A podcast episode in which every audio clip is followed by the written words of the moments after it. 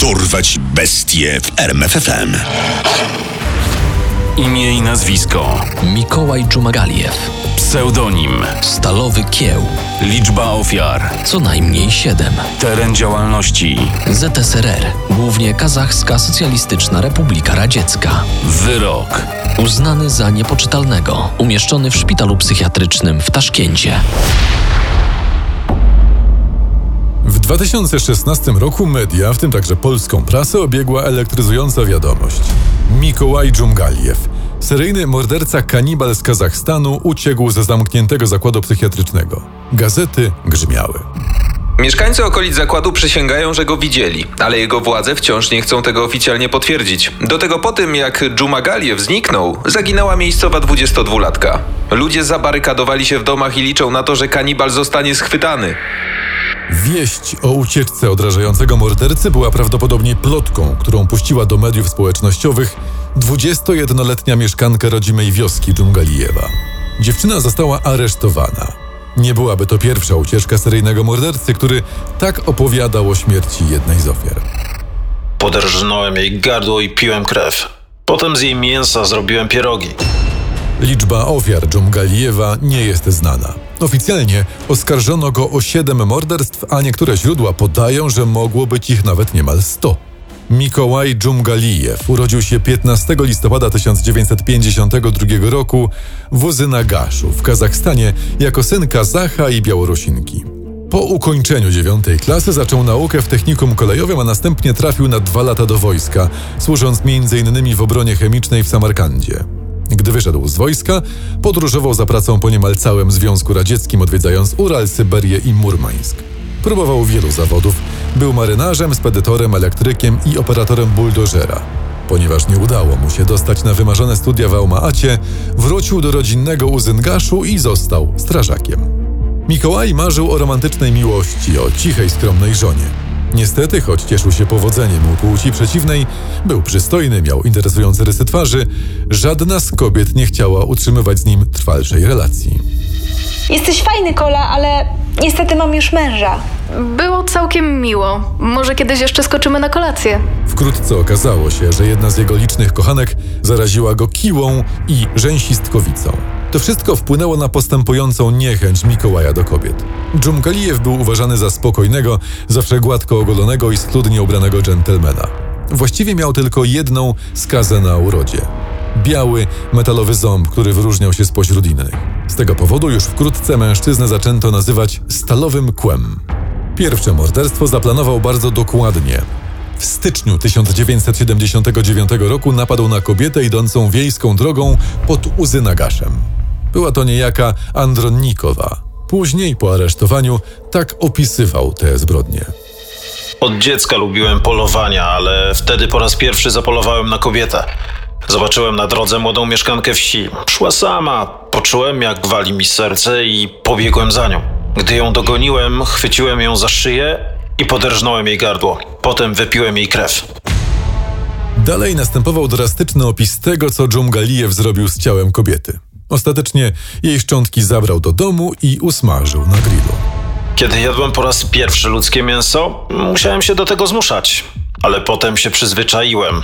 Mięso tej kobiety starczyło mi na miesiąc. Resztki ciała Andronnikowej znaleziono 25 stycznia, choć wszczęto śledztwo, nie udało się złapać zabójcy. W 1979 roku Dżumgalijew zabił jeszcze co najmniej pięć kobiet. Jedną z nich była niejaka Walentyna, którą zamordował 27 lipca. Okoliczności tej zbrodni były nieco inne niż zazwyczaj, kiedy to Mikołaj polował na kobiety w odludnych miejscach typu park, brzeg rzeki czy opustoszała wiejska dróżka. Walentyna była znajomą ówczesnej kochanki Dżungalijewa, Tatiany. Kobieta zwierzyła się Mikołajowi, że podejrzewa ją o kradzież biżuterii. Chyba zawiadomię milicję. Jestem pewna, że Walentyna jest pospolitą złodziejką. Daj spokój z milicją. Zaproś ją do domu, a ja to załatwię. Kiedy rzekoma złodziejka przyszła, Tatiana wraz z siostrą Dżungalijewa wyszły z domu, a Mikołaj zaciągnął gościa do łóżka. W trakcie uprawiania seksu Walentyna szepnęła. A co jeśli nakryje nas Tania? Dżungalijew uznał, że istotnie jest to jakiś argument za tym, by przenieść akt miłosny w inną scenerię i udał się z kobietą na trawę nieopodal stodoły znajdującej się za domem. Tam poczuł, że by doznać spełnienia, musi udusić Walentynę. Gdy kobieta przestała oddychać, poderżnął jej gardło, a następnie pociął ciało i wrzucił zwłoki do beczki z solą.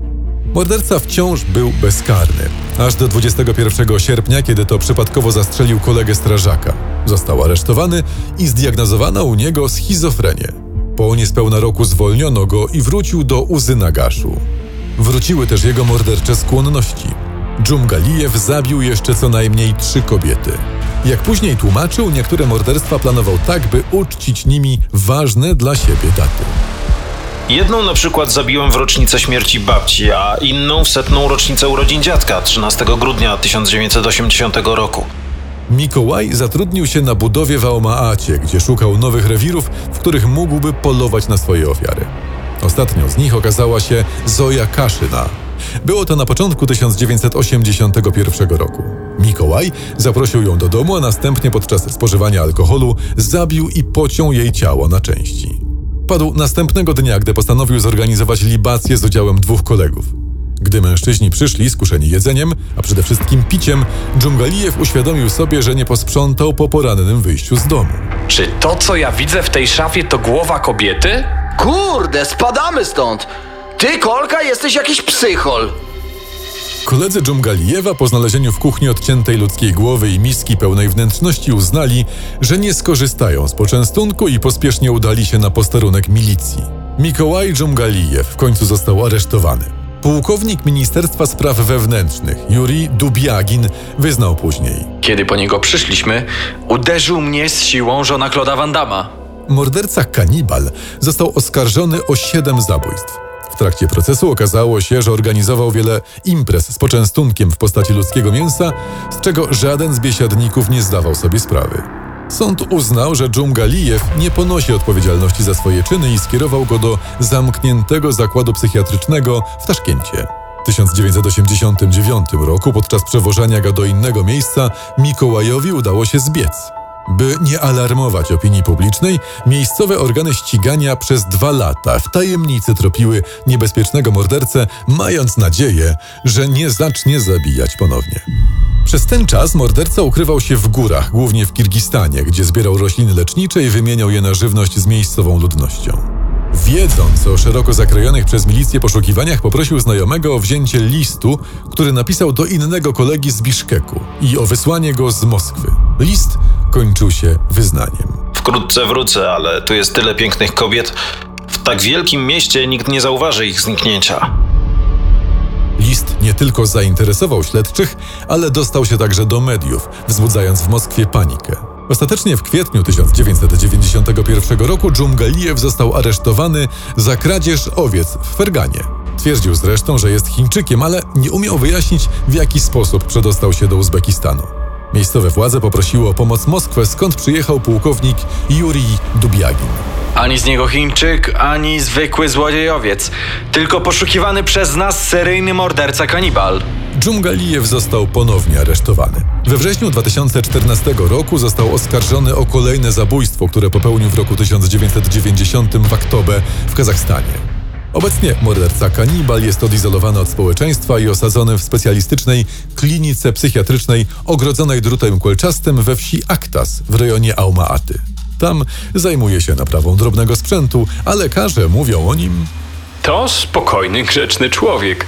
Chętnie pracuje, pomaga personelowi, nie mamy podstaw sądzić, że stwarza zagrożenie dla innych. Sprawa wypuszczenia na wolność Mikołaja Dżumgalijewa pozostaje otwarta i być może jest tylko kwestią czasu. Poznaj sekrety największych zbrodniarzy świata. Dorwać bestie w RMFFM.